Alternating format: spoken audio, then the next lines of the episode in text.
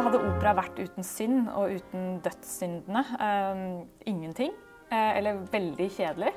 Eh, fra Don Giovannis utukt til Don Josés eh, misunnelse, nattens dronnings vrede, Falstaff er lat og Skarpia fråtser. Det er jo det som skaper eh, det interessante. Eh, drama og friksjonene og problemene.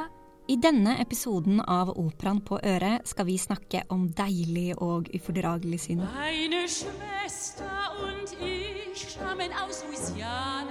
Det gjør vi fordi vi strømmer De syv dødssynder av Kurt Weil og Bertolt Brecht gratis på operaen.no fra 26.3 til 9.4. Underveis i denne samtalen hører du musikk fra oppsetningen. Og her synger Eli Kristin Hansveen hovedrollen, Anna 1. For dette stykket handler om to Annar, som enten er søstre eller to sider av samme dame. Én synger, og én danser.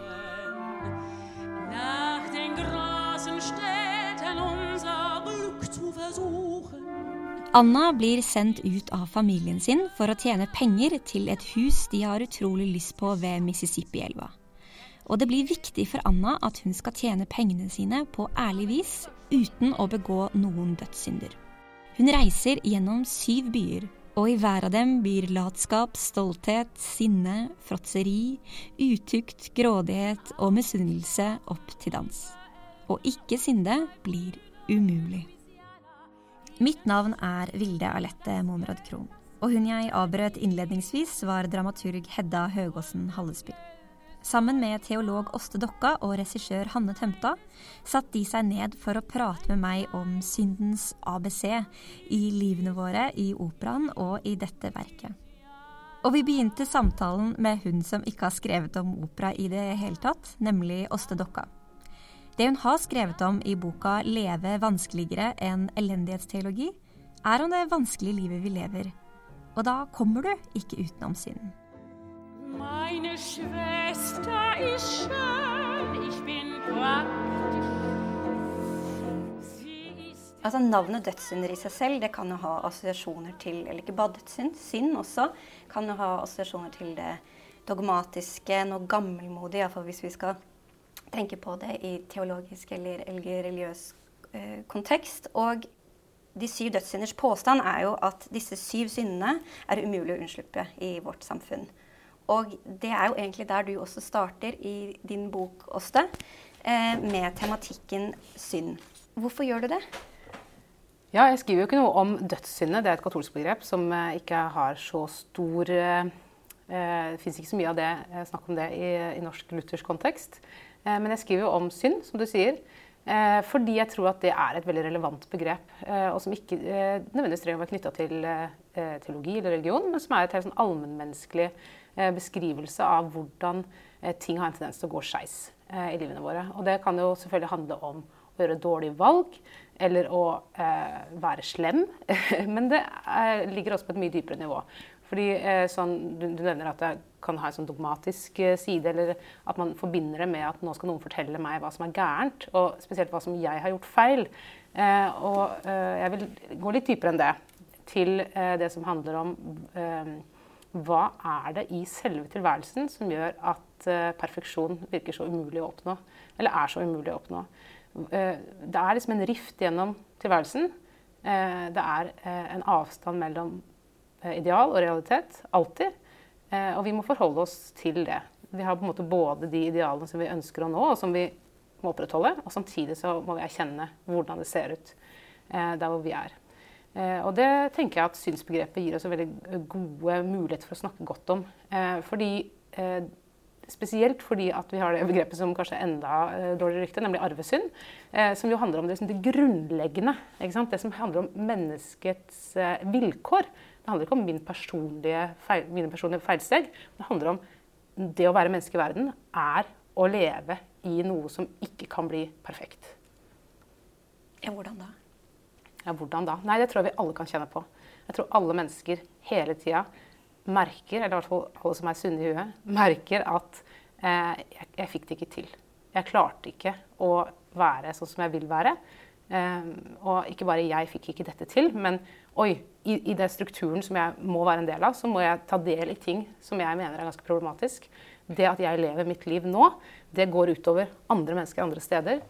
Eh, og, og, selv liksom, de dagene hvor vi virkelig liksom, har fått det til, da, hvor, hvor, vi kan være fornøyd med vår egen innsats, så er det likevel ikke bare lykke. Det er herk. Og det går fra det liksom helt trivielle, eh, liksom den lille unødvendige bemerkninga du slang til den personen som du er mest glad i, til liksom de virkelig store kosmologiske eh, tingene som handler om klimakrise eller, eller krig eller sånne type ting. For Brecht handlet De syv dødssynder hovedsakelig om å vise konflikten som oppstår mellom moral og penger i et kapitalistisk samfunn. Det viser seg først og fremst mellom de to Annaene, der Anna 1 er kynisk og grisk, mens Anna 2 er kunstnerisk, kreativ, følsom og empatisk. Disse to sidene kolliderer i byene de reiser til. Når de kommer til Memphis f.eks., for eksempel, forstår Anna at skal hun tjene penger på dans, altså gi folk det de vil ha, handler det ikke om kunst, men å kle av seg. Et annet eksempel er i Boston, der Anna 1 formaner til Anna 2 at hun må velge økonomisk trygghet fremfor kjærlighet. De syv dødssynder er ikke alene om å vise mennesker og et samfunn full av synd. Det skriver Hedda Høgåsen Hallesby om på operaen.no, der hun rett og slett kaller opera for syndens pøl. Det er jo det som skaper det interessante. Eh, drama og friksjonene og problemene. Um, og jeg tror det er derfor også disse sju dødssyndene, da, som dette verket også handler om, har fått spille en rolle i en rekke uttrykk. Uh, enten det ble gjort bevisst fra de som har skapt det, sånn som Brecht her, eller mer ubevisst, sånn som Eller kanskje at man ser det i etterkant, sånn som med Charlie Sjokoladefabrikken har de ulike barna blitt tolket sånn. Eller i Ole Brums 100-meterskogen er dyrene tolket sånn. Og i Friends, denne TV-serien, er også noen sett disse ulike karakterene som legemliggjørelsen av disse syndene. Eh, og jeg tror det skjer enten før eller etter i den tolkningen, fordi det handler om liksom vrangsida ved det å være menneske, som Åste er inne på. Eh, det er litt det omvendte av den der selvoppofrende kjærligheten som man kanskje liker å tenke på opera sånn, Da, at det handler om det. Uh, det er disse store følelsene og uh, libeståt, ikke sant. Og så er det kanskje til syvende og sist like mye om der, der, vi tråkker feil. Fordi det er det som Det er da vi rører ved noe av det grunnleggende ved det å være menneske, som lar oss se det litt utenfra også, kanskje, og se hvordan også andre gjør feil når Norma sørger over barna sine fordi hun ikke klarer å ta hånd om dem på riktig måte. Det er jo da jeg klarer å måte, se noe av meg selv i det. Like mye som når hun står og ofrer seg sjøl på bålet eller er stor politisk leder, så er det de der små sammenhengene hvor hun feiler. Og det er også opera fullt av. Uh, og jeg tror det er nyttig å tenke på den sjangeren vi forvalter på den måten, eh, i stedet for å bare tenke på det som et type sånn følelsenes fitnesssenter, som det også har blitt kalt. Eh, for det bare er sorg og smerte. Og, men, men, nettopp hva er det som leder til de følelsene? da? Det? Og det er jo der, der, vi ikke klarer å leve opp til våre idealer. Eh, ja, som vi setter oss, eller som samfunnet setter for oss. Eh, og feiler igjen og igjen. Da blir vi litt mindre aleine mm. når vi ser at uh, mennesker for flere hundre år siden også gjorde faktisk akkurat samme feilene. Mm. Mm. Og dette her med hva er det som leder oss dit, det er jo der eh, det, er jo, det, bygger bro til, til Brecht og, og eh, både holdt opp å si de politiske mekanismene eh, så vel som på en måte de menneskelige. Da. Og hvis vi skal si noe om denne utrolig eh, kjente eh, mannen Bertolt Brecht Eh, som jo da ikke sant, Du sier følelsenes fitnesssenter. Dette var en teatermann som ikke ville inn i følelsesfitnesssenter, for å si det sånn. Han ville at vi skulle ha han ville at, skulle, at, publikum skulle være veldig klar at du så på teater. Du skulle ikke forsvinne inn i noe sånn eskapistisk glemme deg selv. Snarere tvert imot. Du skulle ha, koble på hodet og intellektet. Eh, Hanne, vil du si noe om hva skjer når en opera- og balletthaten teatermann skal skrive tekst i nettopp opera og ballett? Jeg tenker at eh, han eh, er jo ekstremt god på virkemidler, da. Ikke sant? Han vet jo på en måte hvilke verktøy han skal bruke. Og så tror jeg at, eh, at man Altså, noen liker å servere et svar og si dette skal du mene om dette. Og noen ønsker jo at det er det, Eller tror på da kanskje at det svaret blir sannere hvis du eier den prosessen selv. Eh, og det tror jeg på en måte er eh, styrken da, til Brecht når man tar tak i så på en måte eh, store temaer som det er i dødssyndene. At han ikke peker og sier Se så dum hun var, se så griske de er, se så sånn, se så sånn. Men bare make up your mind. og at det, det, kravet til publikum, da, det mener jeg jo er å ta publikum på det største alvor. Og da er det mye mer sånn side eller samme øyehøyde mellom de som forteller en historie, og de som på en måte lytter til en historie. Da, da snakker vi på en måte mer sammen.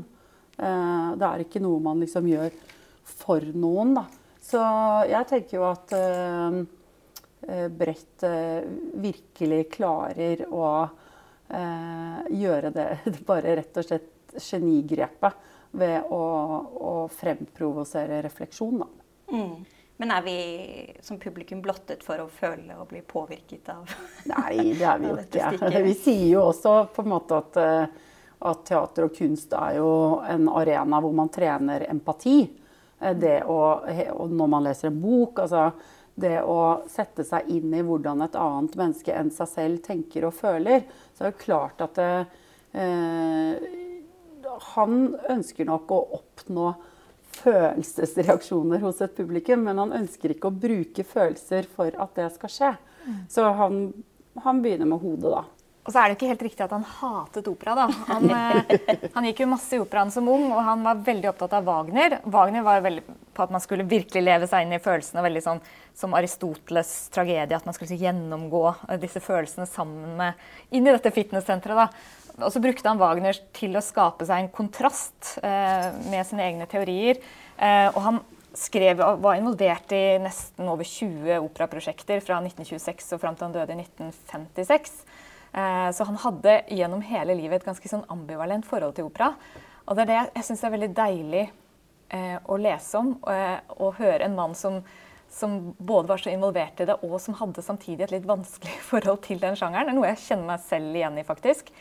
For han mente at det var han, skrev at visse rader av mennesker transportert til en merkelig tilstand av rus. Helt passivt, selvopptatt og tilsynelatende tilsynelatende dopa. Og det han ville ha oss ut av, det der at vi skulle bare sitte og bli dratt med, men heller å, å ta stilling til noe. Og jeg tror det er der kanskje Brechts viktigste eh, bidrag til operahistorien er det han gir eh, At han skaper et teateruttrykk som eh, åpner for at avstand ikke er noe negativt. Eh, og den avstanden den trengte man etter andre verdenskrig, når opera hadde blitt misbrukt av nazistene og fascistene til følelsesforføring. Da.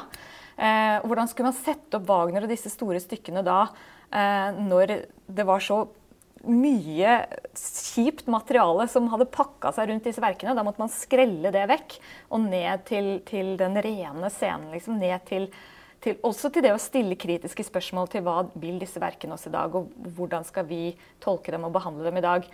Og da banet han vei for det som kalles regiopera, som egentlig er litt sånn fordømmende term, men, og egentlig en helt teit term, fordi all opera har jo regi. Men hvor eh, regissøren kommer inn som en, en, stemme som mye mer tar stilling til materiellet da, enn man tidligere hadde gjort i operahistorien. Og det er jo der Brecht virkelig har eh, gitt opera noe, som en revitalisering av sjangeren i senere tid. De syv dødssynder ble skrevet det året Hitler kom til makten i 1933.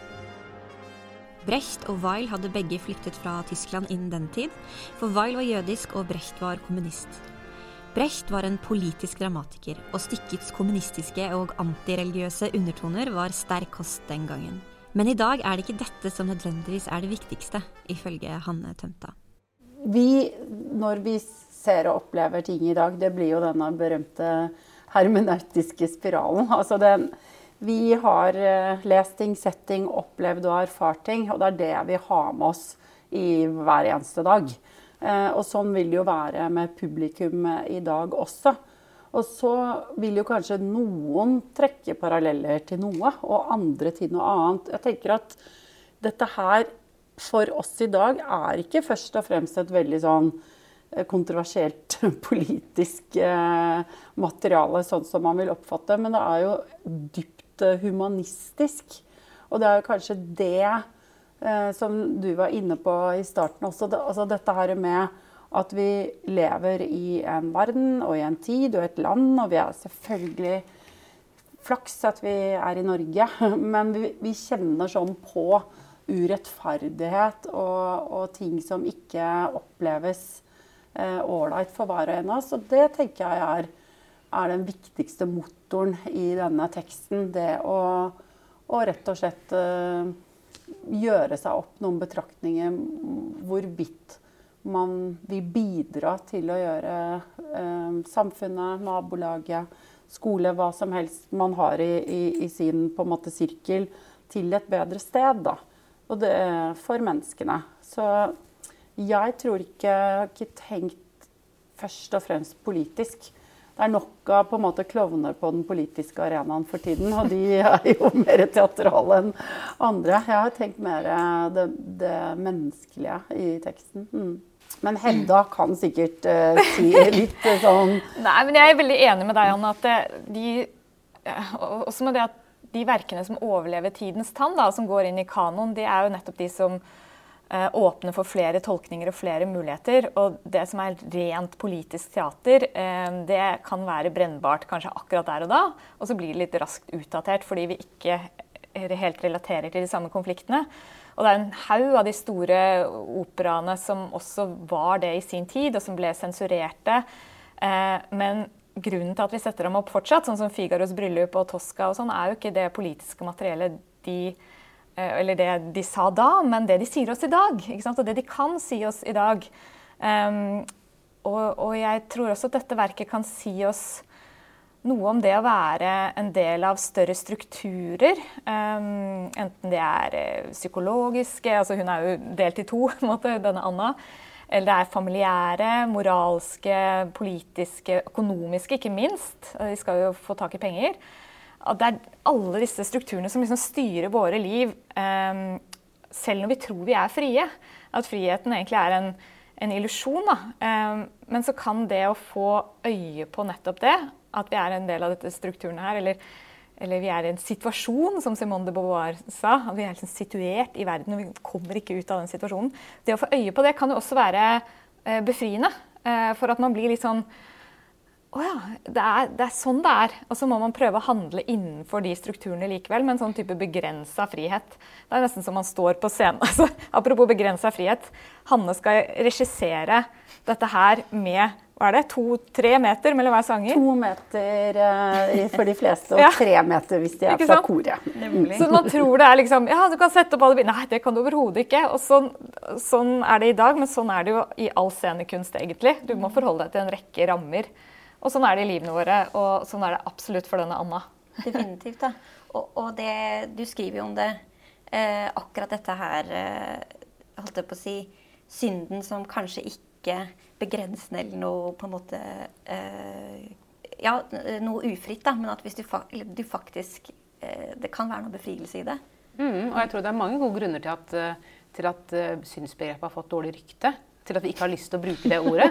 Eh, fordi at det har blitt brukt uh, til å holde folk nede og til å peke på problemer som ikke er problemer. Til å skape nye problemer for folk. Eh, men, men, jeg tror at alle mennesker trenger, eller lengter etter på sett og vis, selv om det kan være en trang fødsel, å sette ord på det som er vanskelig. Eh, det å finne ut Det å, det å erkjenne for seg selv eh, at dette her er ikke ålreit, eller her er det et eller annet som skurrer, her er det, det går gærent, et eller annet. Så trenger vi ord for det.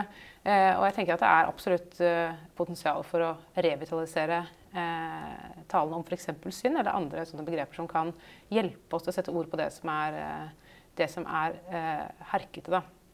Eller tragisk, for den saks skyld. Og da tror jeg det kan være veldig befriende. Eh, at, det har et befriende potensial. For det handler om å bli speila. Det handler om å bli speila, eh, eh, som ble sagt her. Altså, Oi, folk hadde det sånn for 100 år siden også, eller i 1933. Eh, og det, da er vi et fellesskap av mennesker som, som har erfart noe av det samme. Eh, eh, det er, en, det, er en, fin ting å merke. At det, det er ikke bare jeg som ikke som ikke makter dette. Det er eh, det hefter ved mennesket. og jeg leste en amerikansk luthersk prest som skrev om Hun hadde ikke noe kjennskap til luthersk kristendom i det hele tatt, men hun ble med en fyr hun drev og data på en gudstjeneste. Og skjønte ikke dette med liturgi, eller noen ting, men så kom synsbekjennelsen. Og da sa hun det, er liksom, da ble det, det var det sanneste som ble sagt hele den uka for meg. Det var det øyeblikket hvor jeg kunne bekjenne at jeg har del i det som ødelegger livet. Det var eh, utrolig befriende for henne. Eh, og dette er jo i og for seg også parallelt med Luthers, Luthers egen liksom, oppdagelse av, av, synden. Det er jo at når du erkjenner at dette her får jeg ikke til, så er du også fristilt til å bruke energien din på en helt annen måte enn hvis du bare driver og gransker deg selv og er vendt inn mot deg selv og din egen utilstrekkelighet. Da kan du faktisk bruke ressursene dine på å gjøre verden litt bedre, istedenfor å drive og gnæle på hvor lite perfekt du egentlig er. Nemlig. Jeg kan liksom med synsbekjennelsen typ, Når du sier det sånn, så skjønner jeg veldig godt at, eh, at, at, hun tenker på det sånn. Det kan godt bare være fordi at Jeg vet ikke, når jeg sitter i kirka og sier det, og det vet jeg at du også skriver i, i boka, at uh, jeg har, fall, jeg har personlig problemer liksom, med å gjøre de ordene til mine. Da, det blir et eller annet som at skal jeg sitte her og føle meg skamfull bare fordi jeg er menneske? eller et eller annet. Jeg, jeg knagger nok på noen fordommer om, om religion og kristendommen da, som gjør at jeg liksom ikke, ikke, klarer å vende meg inn mot det på samme måte. Ja, det, Men det tror jeg også handler om liksom, altså, de formuleringene i de synsbekjennelsene som, som, verserer i vår tid. At det er ikke sikkert de er så treffende. Og det kan hende at eh, det er litt for tydelig at det er noen andre som har skrevet det. At det er litt vanskelig å gjøre det til sitt eget, for det, det treffer ikke akkurat det som jeg syns er vanskelig. Eh, og det er jo problemet med å skulle forholde seg til eh, andres ord. Da. Og det har man vel eh, gående også på teater og opera. At eh, du må eh, finne en måte å ta bolig i det som andre har formulert. Eh, og det kan jo det være motstandsfullt, selvfølgelig. Så, eh, så, at ikke alle liksom løper begeistra inn i kirka og roper fram synsbekjennelsen, det, det, er ikke så veldig rart. Det tenker jeg det. neste sunnhetstegn? Ja, det er neste sunnhetstegn. For vi har jo alle våre egne, egne greier der. Pluss at, plus at, det er vanskelig å snakke om skyld. Da. Det er vanskelig å, å, å, å si 'jeg er skyldig' eh, på sånn moralsk nivå.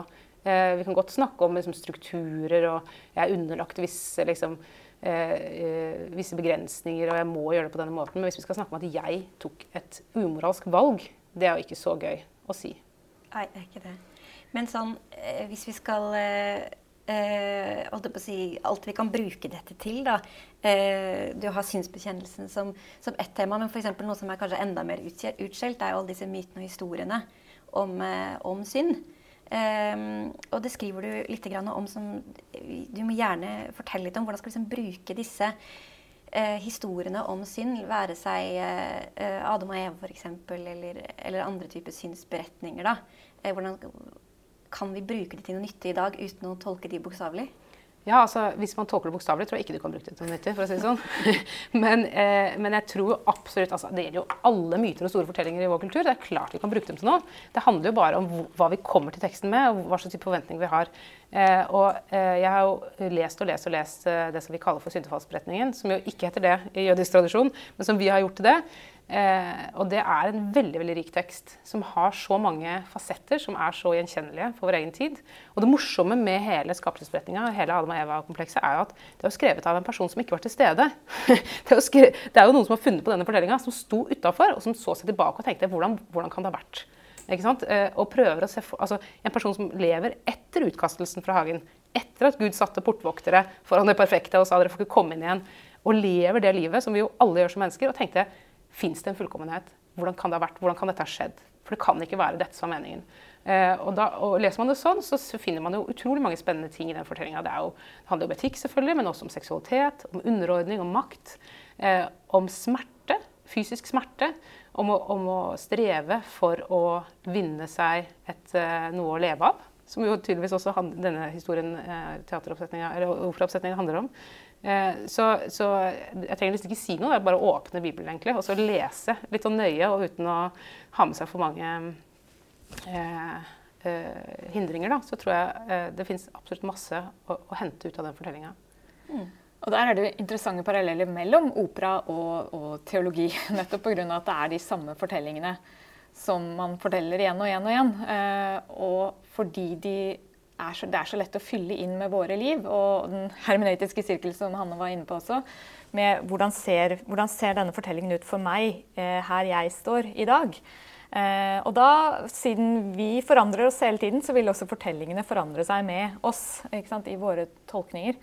Eh, og da får du en sånn veldig sånn stor kanon av sånne verker som man, man repeterer. Det, det kommer jo også fra teologisk forståelse med kanonbegrepet, men, men eh, som egentlig er kanskje mer, mer radikal og mer åpen da, enn man egentlig tenker det som. når det er liksom denne faste rekka av verker.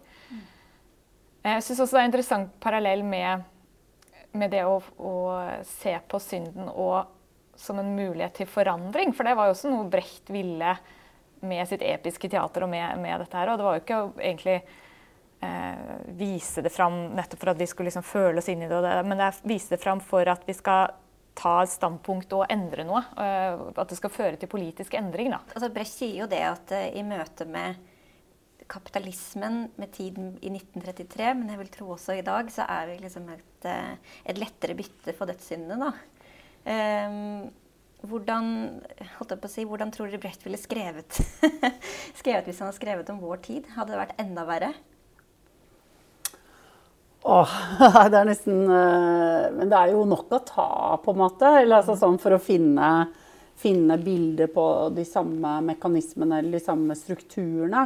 Så det tror jeg ikke at han hadde hatt noen problemer med. Men det, ble liksom, det var et veldig gøy spørsmål. Bare i hvilken form ville han kommunisert i dag, da? Mens jeg tenkte en parallell, det er jo den uh, utrolig gode TV-serien The Wire. Uh, som jo på en måte er skrevet uh, i liksom dagens USA. Det er i Baltimore. vi ser på, på måte, vi ser på politiet, vi ser på skolevesenet, vi ser på tollerne, vi ser på journalistene. og han som har skrevet serien, skriver jo et brev til alle som har sett den i etterkant, at hvis du har sett deg seks sesonger, det tar ti timer å se hver sesong, da har du brukt 60 timer av livet ditt på dette. Og han sier helt rett ut at 'jeg ønsker et bedre Amerika'. Det er min liksom, hensikt med å lage dette. Jeg ønsker at ting skal forandre seg. Og nå har hver og en av dere brukt så mye tid på å se på det jeg har lagd, sammen med mange andre selvfølgelig. Og hvis man da kunne brukt noe av den samme tiden til å gjøre noe eh, Altså hvis, det, hvis, dere skjønner hva jeg vil, så kanskje Brecht hadde klinka til og vært en god serieskaper, da. Det hadde ikke vært umulig. ja, det er veldig gøy, takk. Jeg tror han ville tatt Han var jo veldig allergisk mot sånn falskhet. Og, um, og det var derfor han ikke likte opera også. Uh, og der er det jo også mye å godte seg med av uh, iscenesettelse i sosiale medier og i vanlige mm. medier. Um, og konsensustyranniet i dag. At det er, skal alle mene det samme, sånn at du får likes og delinger. Og uh, omdømme. Ha et godt omdømme. Det er veldig viktig. men hva betyr det egentlig? Og hva, hva ligger bakenfor det? Disse systemene som som styrer oss i dag, da, som er noe annet enn de altså Det er ikke det at kapitalistiske systemer ikke styrer oss, men er, vi har fått enda flere lag av iscenesettelse, som for en teatermann også ville vært eh, mye morsomt å jobbe med. Eller som er mye morsomt å jobbe med. Mm. Er vi mer eh, Hva tenker du om det? Er vi, er vi enda mer syndige i dag? Eller nærmere de Ja, jeg, jeg, litt, jeg syns ikke det gir så mye mening å liksom gradsbøye det. Eh, jeg tenker at det er med en sånn eh, grunnleggende ting som er likt uansett. Og jeg tror heller ikke vi skal drive og legge inn sånn derre Den har gjort så mye galt, og jeg har gjort så mye galt. Så blir det sånn og sånn. Så jeg tror, jeg tror det blir på en måte et feil fokus. Men, men jeg tror at altså, samfunnsstrukturen endrer seg jo, og det legger til rette for andre typer umoral enn det som kanskje var eh, rådene tidligere. Eh, se på forholdet mellom altså, Tenk på andre verdenskrig. Hvordan, liksom hele, eh, hvordan utviklingen av våpnene, f.eks. Våpenteknologien gjorde eh, masse, massedrap eh, til en helt annen ting enn tidligere. Så det er klart at vi, vi, har jo enorme ressurser til å gjøre utrolig mye dritt nå, som eh, kanskje ikke var like store før. Og også med at verden har blitt så globalisert. Eh, at, eh, at, det livet jeg lever, angår ikke bare meg og den bygda jeg bor i, men angår faktisk eh, absolutt alle i hele verden. Det er jo veldig skremmende. Så jeg tror det har, det har, det har skjedd noe med hvordan vi, hvordan vi har mulighet for å forvalte vår egen egoisme og råskap. Mm. Men bare går det an å spørre deg om en ting? For at jeg bare følte Vi var bare bitte litt inne på det med på en måte mulighetene som ligger Ikke at det er et negativt begrep, da, det å synde.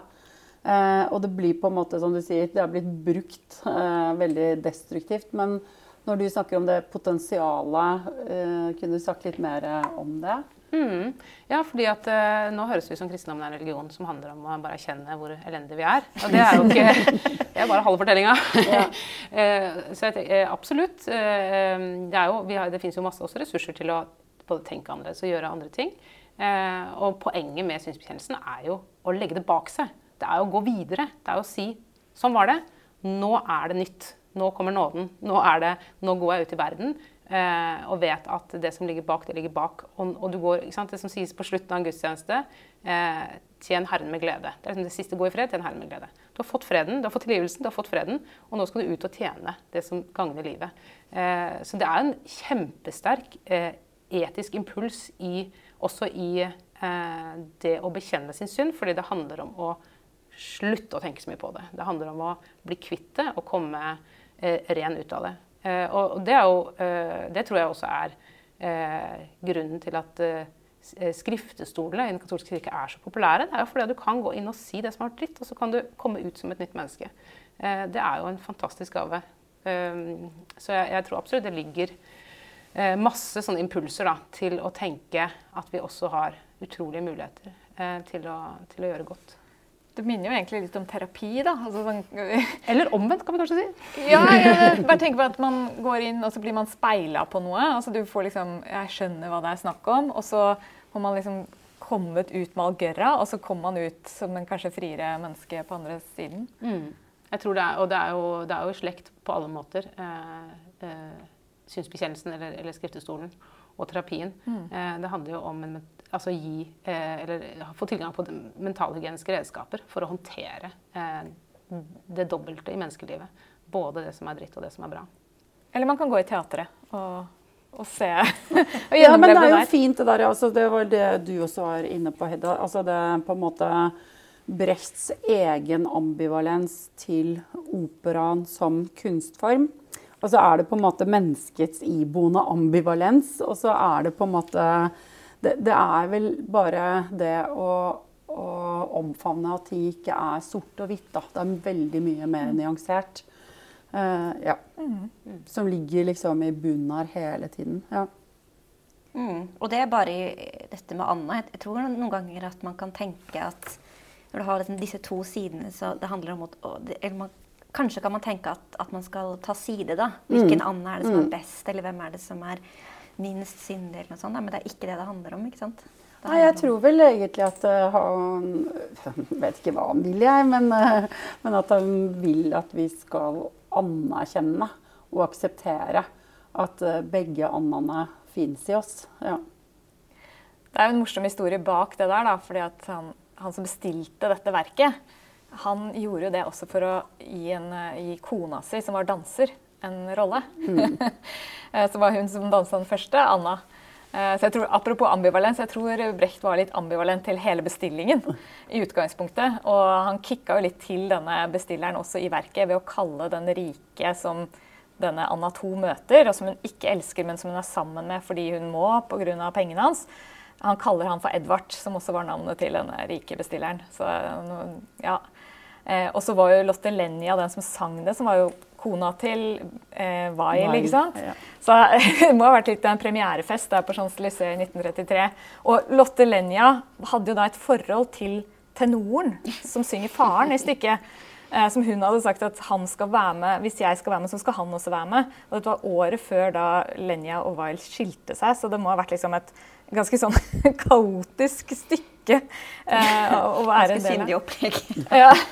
ja, ikke sant? Så det er jo Testet ut i praksis da, hva det stoffet handler om. Nei, det, men kan vi, se, kan vi, se, noen spor av det? At, eh, at dette var eh, kanskje Weil sitt, eh, sitt, hjertebarn i større grad enn Brecht. Nå har vi snakket veldig mye om teksten og mm. tematikken, og lite om musikken. Men jeg lurer jo er, kanskje er det musikken som har hovedrollen, egentlig? Det er jo ofte som man sier om opera, at musikken har hovedrollen. Jeg, jeg, er, veldig, jeg er, ikke så glad i at man sier det. Fordi, og kanskje særlig når det er om radarpar som dette, da, som Brecht og Weil eller Da Ponte og Mozart, ikke sant? som jobb, hvor teksten og musikken eh, hører sammen. Og dette her, egentlig så er jo ikke dette heller en opera, det er en sunget ballett. kalles det, så er en veldig rar eh, hybridform, men det er jo opera òg. Merkelig hybridform. Hvor disse elementene fungerer i sammenheng. Og du kan liksom ikke si da at ja, det er musikken dette egentlig handler om, skal vi bare drite i den teksten. Det, um, det hører sammen, men um, Wiles musikk til dette verket altså Det kan jo hende at det var viktigere for han akkurat der og da i hans karriere. Uh, men det, det, leker på samme måte uh, som Brechts tekst gjør, ved å bruke en haug med referanser og parodier og satire fra eh, populærmusikk og fra opera og fra kirkemusikk som man klipper, klipper ut, liksom som papirdukker, som også, også Brecht gjør da, i sine stykker, istedenfor å, å skape disse liksom, intense, eh, personlige skildringene, så, så, klipper han dem ut for oss, sånn at vi kan se dem med tydeligere konturer. Og det gjør også Weil i musikken ved at han, han gjør det helt tydelig at det er er sitater og er lek fra barbershop og fra foxtrot og fra madrigalene. Og, og, Det var kanskje derfor også noen reagerte på det og sa at dette var liksom ukristelig. og sånn, Ved at det bruker kirkemusikken, da, som er hellig for mange, og så leker han seg litt med det ved å sette det en litt annen type tonespråk som er litt mer dissonerende. og uh, ja, så, så, den leken, det, det, holder de begge på med, og det støtter opp under hverandre. Og det er det som også gjør det til et godt stykke, som har fått overleve. Mm, er det nyttig å plass i det hele tatt snakke om dette, om dette er en tragedie eller komedie? Altså, Brecht selv ville jo vært veldig uenig. Han prøvde jo å skape noe annet enn en tragedie og komedie. Nettopp fordi det, det handler om følelser. Koble seg på følelser. Det er det aristoteliske som er veldig sånn, skal gjennom denne katarsisen, den renselsen og sånn, og så komme ut på den andre siden. Eh, men men så var jo han inne på at man kobler på følelser likevel. Så det han sier at vi liksom ikke skal gjøre, det, det gjør vi jo. Og det vi Selv om vi kanskje det er en sånn ikke-emosjonell eh, måte å nærme seg den menneskelige tragedien på, da, for det vi, det vi får syne, på, på se, er jo nettopp en noe tragedie, den tragedien vi står i ved å være en del av disse systemene. Vi er enig med det du sier. Vi snakket om uh, på prøve her om dagen at hvis um, fordi at det er jo altså begrepet satire, da. Eh, som jo ofte blir koblet med politisk satire også. Men da snakket vi om Hvis dette var blitt eh, levert av en norsk komiker i dag, mm. hvilken komiker ville vi da på en måte Og da ble vi liksom veldig fort enige om at det, det måtte da ha vært enten Dag Sørås eller Otto Jespersen. Da følte vi Albar det, De kunne på en måte ha kommet med en sånn historie, da. Mm. Ja. Hvorfor det, da? Nei, jeg tror bare at det virker som at de har jo sine prosjekter som til syvende og sist ønsker å anskueliggjøre systemfeil, da. Ja. Mm. og man kan jo spørre, Er liksom Otto Jespersens uh, komedier en tragedie? Det er jo ikke en tragedie fordi at vi sitter og gråter av det, men det jo no, man ser jo ofte noe tragisk, eh, tragikomisk komme til syne. Mm. Eh, og da kan man kanskje kalle det det likevel.